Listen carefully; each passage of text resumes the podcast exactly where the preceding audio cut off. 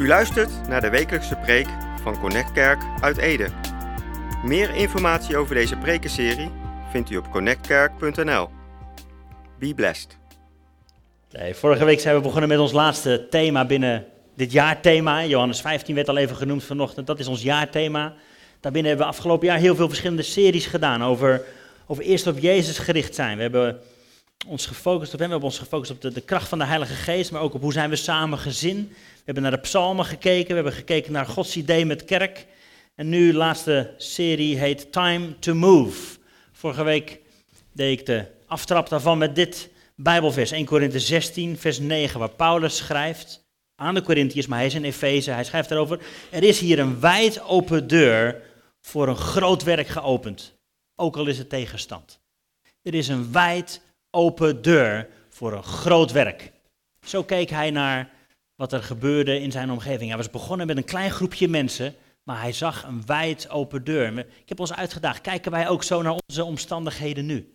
De, plek waar je zit, je werk, je thuissituatie, je school, weet ik het, waar je waar je, je begeeft door de week.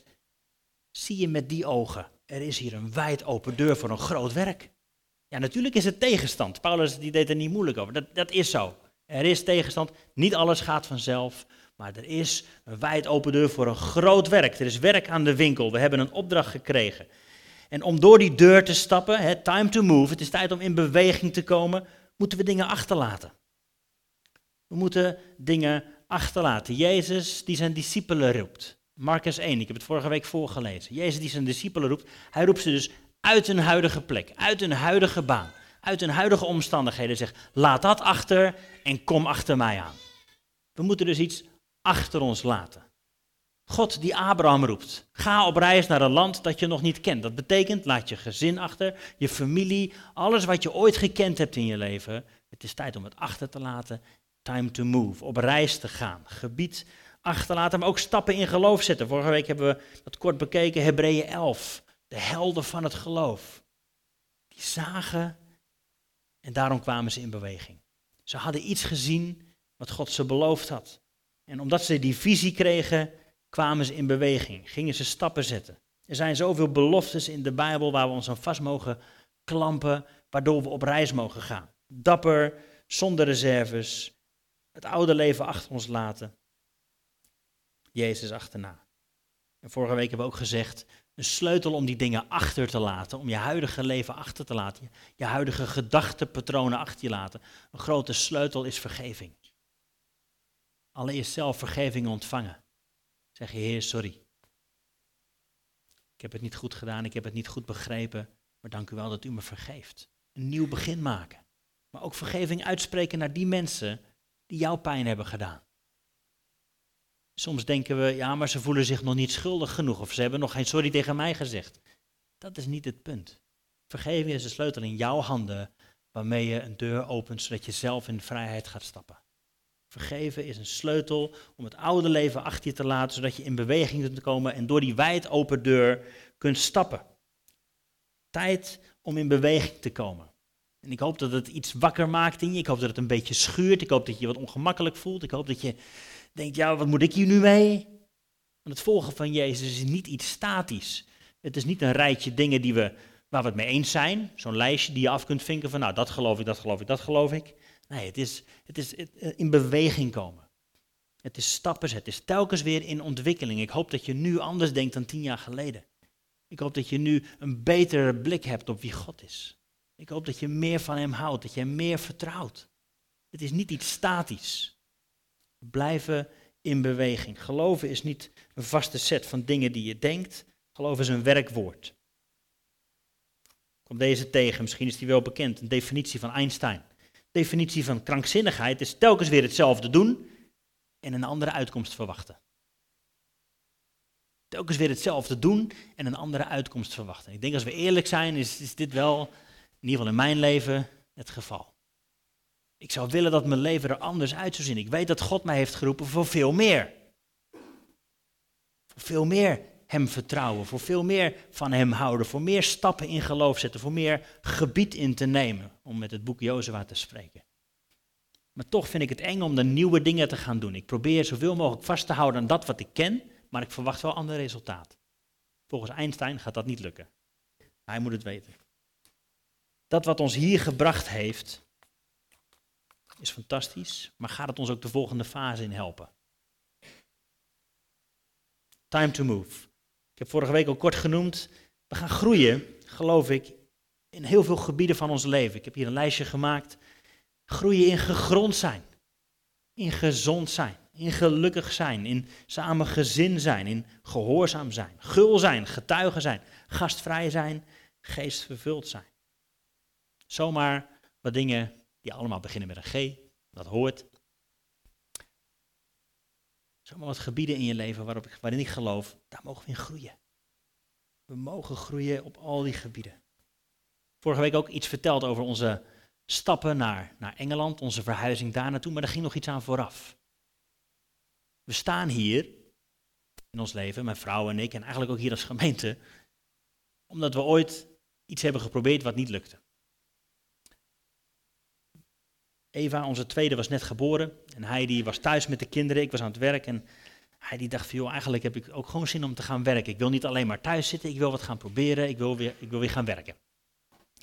Nou, prima, we hadden geen zin om eh, geld te betalen voor de oppas, dus ik had met mijn baas afgesproken, ik ga een paar dagen minder werken, dan kan Heidi solliciteren en ook aan de slag gaan, gaan werken.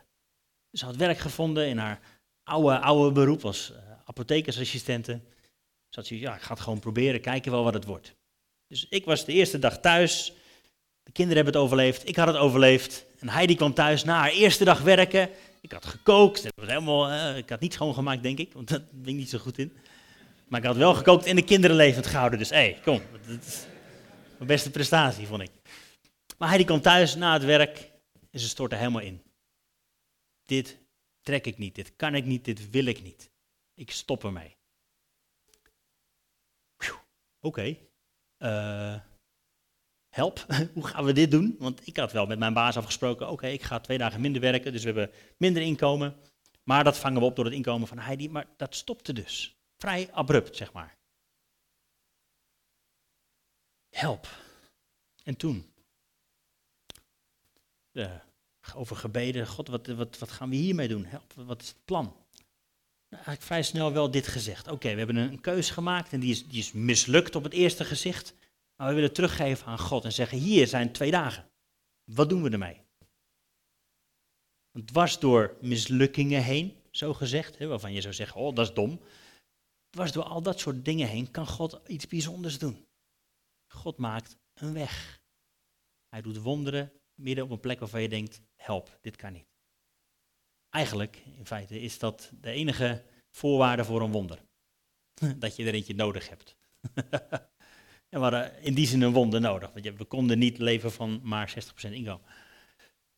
Dus op een avond, ik had uh, gespeeld in een kerk, was ik aanbidding aan het leiden. En uh, na afloop liep ik toe naar de spreker, Bart Doornweert. Hij was de spreker van die avond en ik liep naar hem toe. Hé hey Bart, wil je eens met mij bidden? Wil je eens met me nadenken? Dit is het geval ik heb, ik heb wat tijd over en ik heb het idee dat God iets wil, maar ik heb geen idee wat. Nou wist ik dat Bart betrokken was bij India Adoptieplan. Dat is een stichting die zendelingen in India helpt. En Bart keek me eens aan en zei, nou daar hoef ik eigenlijk niet over te bidden. Ik zit al heel veel maanden te bidden en jij bent het antwoord. Hij had dringend, dringend iemand nodig op kantoor voor één dagje in de week die hem zou kunnen helpen met wat administratie. Nou ben ik helemaal geen ster in administratie, maar ik had wel een paar uur over. Zo ben ik erin gestapt. Gezegd, oké God, ik ga het proberen. Weet ik het? Dus ik ben vier dagen gaan werken. Eén dag in de week heb ik vrijgehouden voor onbetaald werk voor die stichting. En dat heeft iets in mijn leven losgemaakt. Iets in ons leven losgemaakt. We waren losgeweekt van het normale patroon. En op die manier zijn we in beweging gekomen. Ben ik in beweging gekomen. Ik zei al, Heidi, Heidi was altijd al veel meer avontuurlijk dan ik. Ik zat wat vastgeroest, denk ik. Maar daardoor kwam ik in beweging. En kwam ik in contact met andere culturen, andere ideeën, andere groepen. Mensen die in geloof leefden. En daardoor zijn we uiteindelijk naar een bijbelschool in Denemarken verhuisd. Daardoor zijn we uiteindelijk in Engeland terechtgekomen. Daardoor zijn we uiteindelijk met een groep mensen deze gemeente begonnen. Maar het begon met een mislukking, zo zou je het kunnen noemen. Gelukkig ben ik getrouwd met iemand die niet bang is om stappen te zetten, ook al weet je niet precies wat de uitkomst is. Spannend? Absoluut. maar wel goed om in beweging te komen. Wat heb je te verliezen? Op kantoor bij Bart. Bart sprak door heel Nederland, eh, wereldwijd spreekt hij. Maar Bart houdt ervan om dingen heel simpel te maken. Ik zal het volgende Bijbelvers voorlezen. Marcus 3, we hebben het ook gelezen bij onze teamavond, toen we met verschillende teams bij elkaar waren, doen we één keer in de zoveel tijd. Hebben we dit vers ook gelezen, Marcus 3, vers 13. En hij, Jezus, klom de berg op en riep bij zich wie hij wilde. En ze kwamen naar hem toe. En hij stelde er twaalf aan. Dus dit gaat over het kiezen van de discipelen. Hij stelde er twaalf aan om bij hem te zijn en om hen uit te zenden om te prediken en macht te hebben om de ziekte te genezen en demonen uit te drijven. Bart vat dit samen in twee woorden. Kom en ga. Dit is het evangelie. Kom en ga. Waarom moeilijk maken als het makkelijk kan?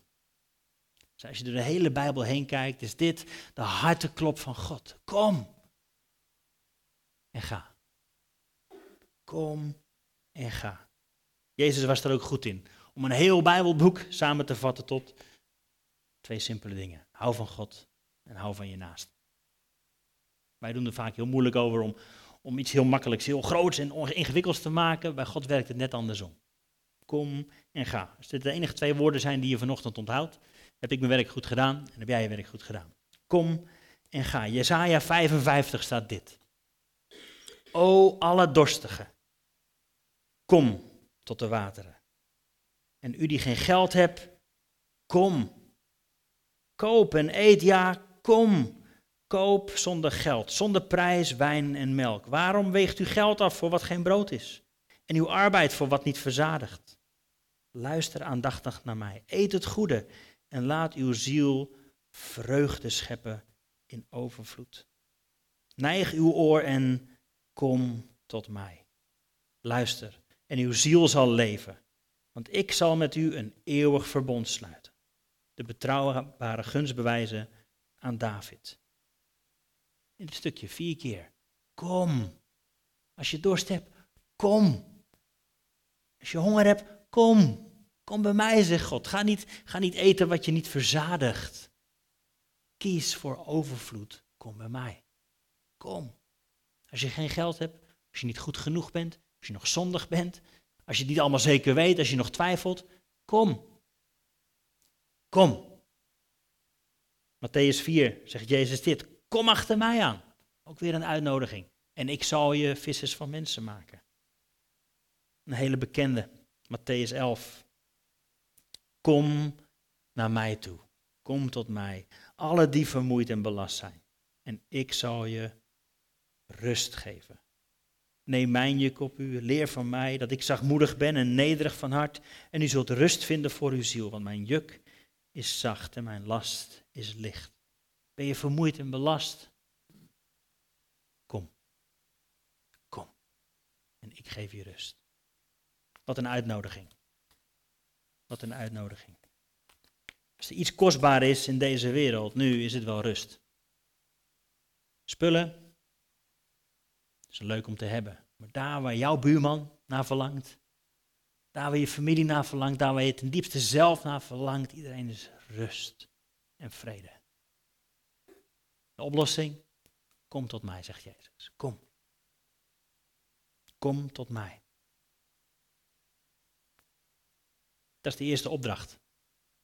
Johannes 15 zeiden we al, dat is ons jaarthema. Blijf in mij.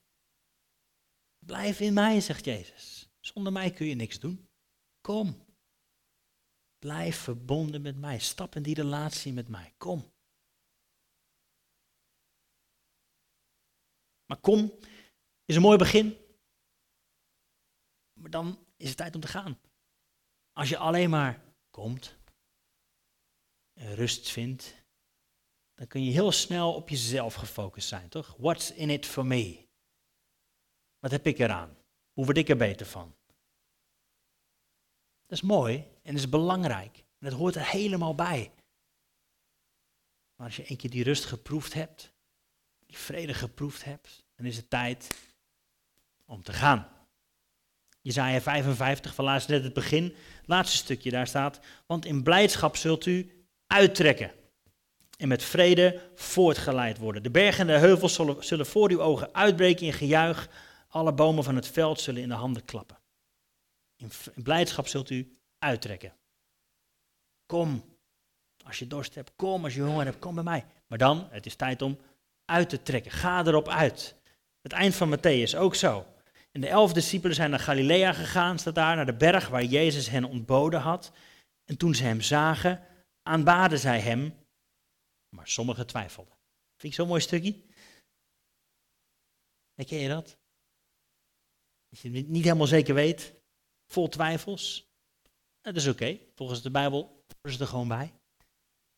Jezus kwam naar hen toe en sprak met hen en zei, zie, mij is gegeven alle macht in hemel en op aarde. Ga dan heen.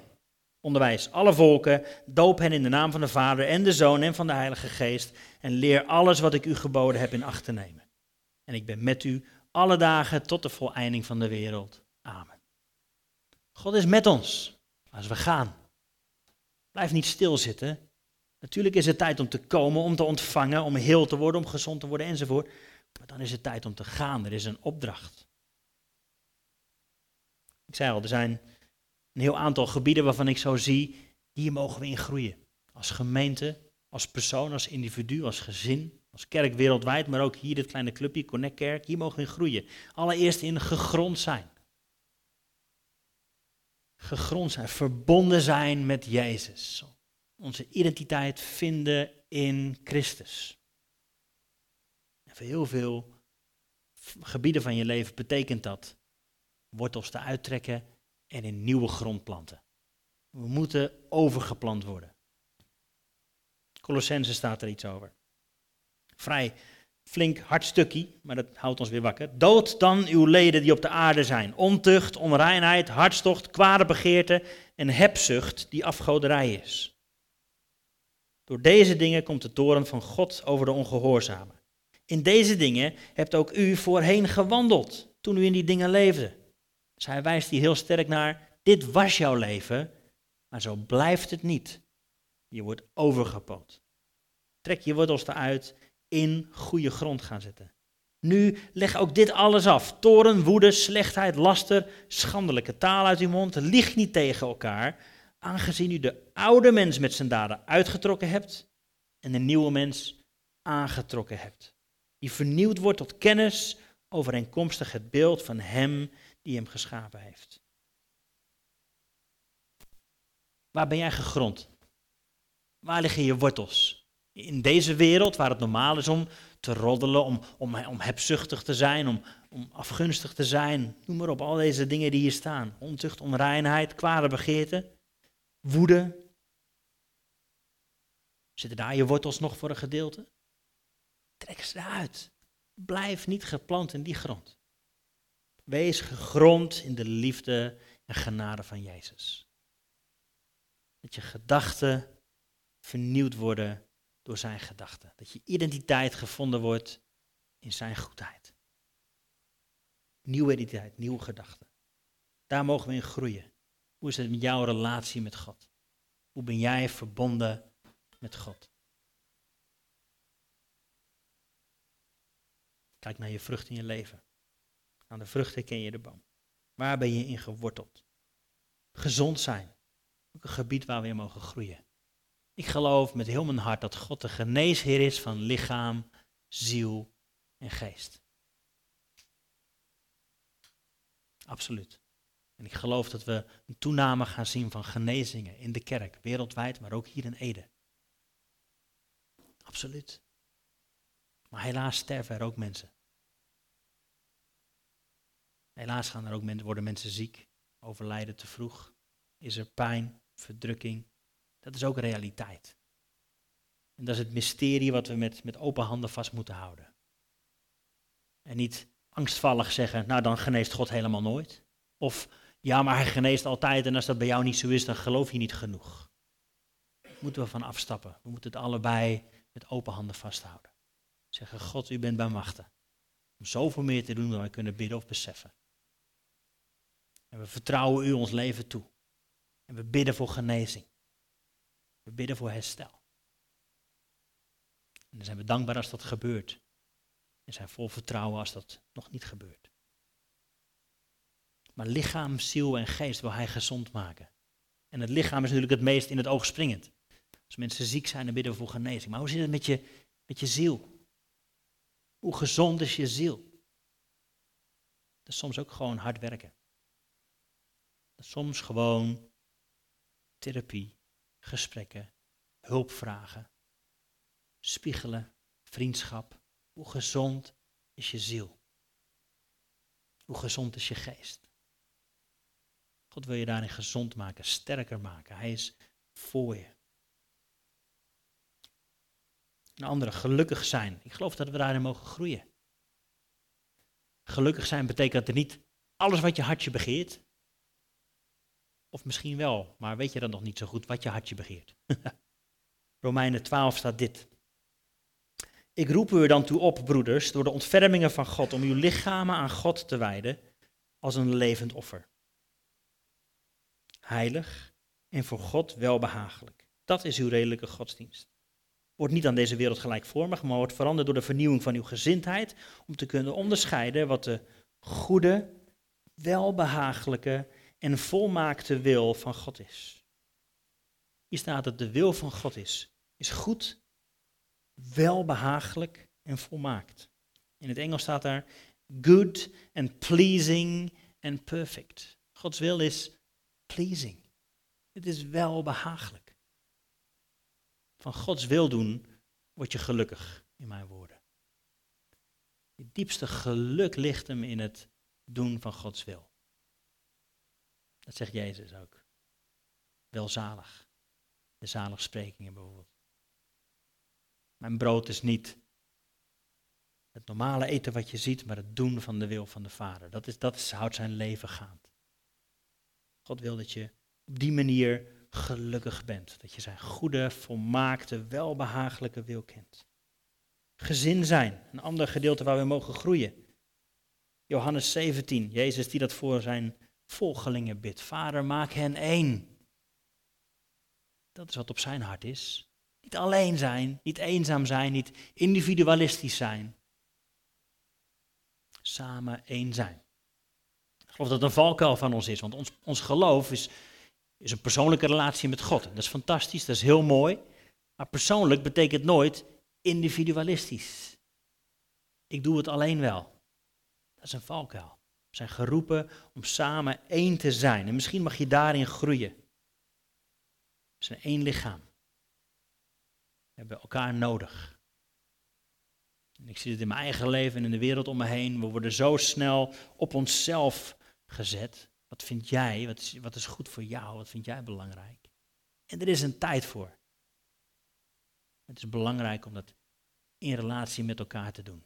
Als kerk, als gezin, als kleine groepen, als teams, als families. Gehoorzaam zijn, zo'n ander punt.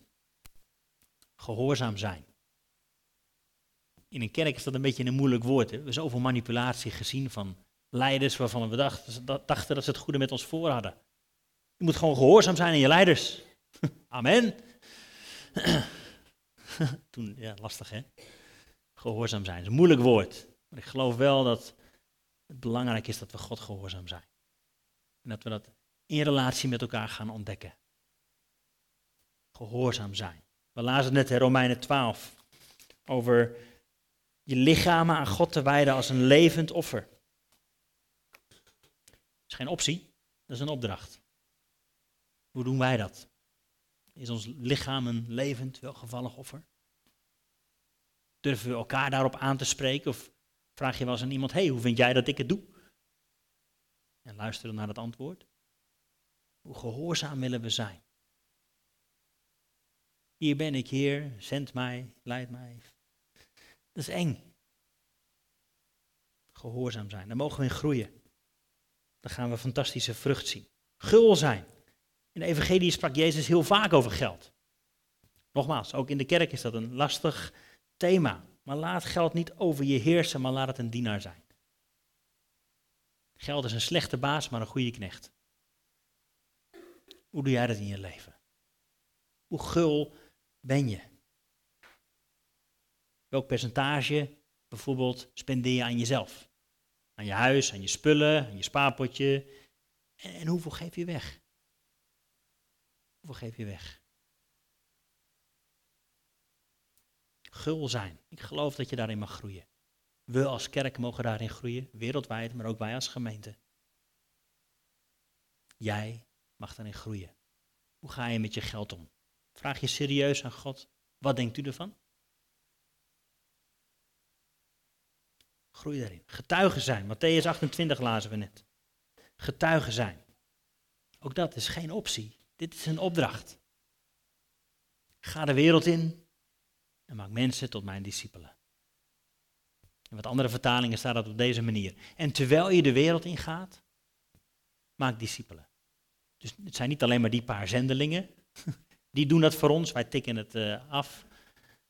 Nee, maar terwijl jij de wereld in gaat, terwijl jij morgenochtend naar je werk gaat, terwijl jij naar school gaat, terwijl jij in je vriendenclub zit, terwijl jij koffie drinkt met je familie, terwijl je daarmee bezig bent, maak discipelen.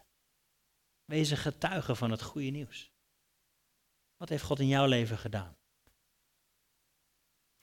Ooit wel eens een opdracht gedaan met een groep mensen.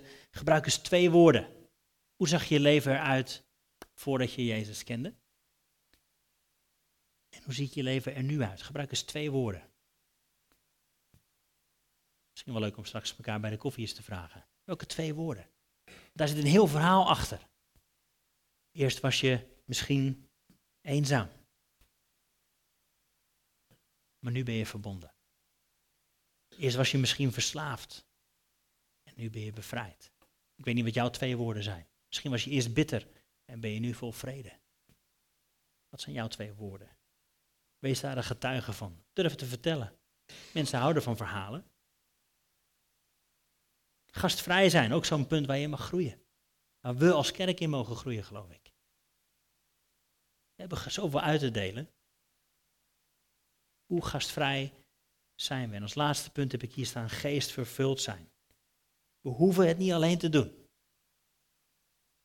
We hoeven het niet alleen te doen. De Heilige Geest is met ons. Volgens de Bijbel is de Heilige Geest in ons. Als je ja zegt tegen Jezus, leeft Hij in je. God in ons.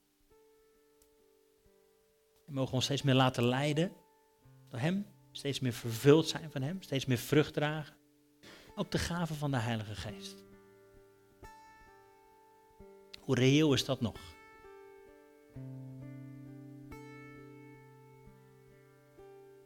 Paulus geeft ons de opdracht: jaag ernaar. Jaag ernaar, naar meer van de Heilige Geest in je leven. Of houden we hem liever op een afstandje, zo af en toe drukken we eens van de, van de plank als we het nodig hebben. Als een potje zout en dan doen we het erdoor en zetten we het weer terug. De rol van de Heilige Geest in je leven. Het is tijd om in beweging te komen. En ik weet niet wat jouw eerste beweging is. Is dat komen of is dat gaan? Voor sommigen van ons is het tijd om te komen. Je bent lang genoeg alleen aan het ploeteren geweest. Je bent lang genoeg eenzaam geweest. Lang genoeg God op een afstand gehouden. Het is tijd om te kijken naar de open armen van de Vader. Kijk naar zijn open armen die wijd open zijn en zeggen: Kom. Ben je vermoeid? Ben je belast? Kom. Ben je ziek? Kom. Twijfel je? Kom. Je hoeft niet eerst goed genoeg te zijn voordat je mag komen. Kom met al je troep. Met al je vragen, met al je pijn, met al je boosheid. Pas over gehad in die serie over psalmen. Al je boosheid mag je bij God brengen. Hij kan er wel tegen. Je hoeft jezelf niet eerst op te poetsen en net te doen of het allemaal wel weer oké is. Nee, kom met alles wat in je is. Kom. Misschien is jouw beweging gaan. Weet je dat je te klein gedacht hebt over God? Te klein gedacht hebt over jouw opdracht? Misschien weet je diep in je hart wel, hier ben ik voor geroepen. Eigenlijk zou ik dit moeten gaan doen, maar ik moet wat achterlaten en dat vind ik eng. Tijd om te gaan. Zou je willen vragen om te gaan staan, dan ga ik dit afsluiten. Dan wil ik graag met jullie bidden. En dan zingen we daarna nog samen een lied.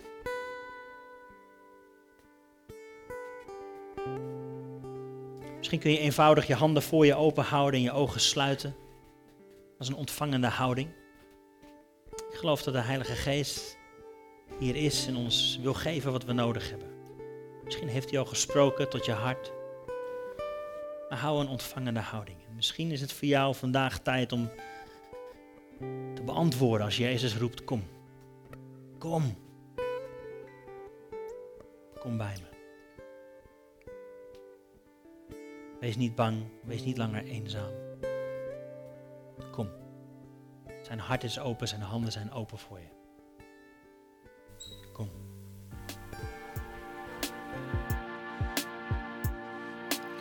U luisterde naar de wekelijkse preek van Connect Kerk uit Ede. Meer informatie over deze gemeente en alle preken over dit thema vindt u op connectkerk.nl of bezoek onze Facebookpagina. Bedankt voor het luisteren en wees tot zegen.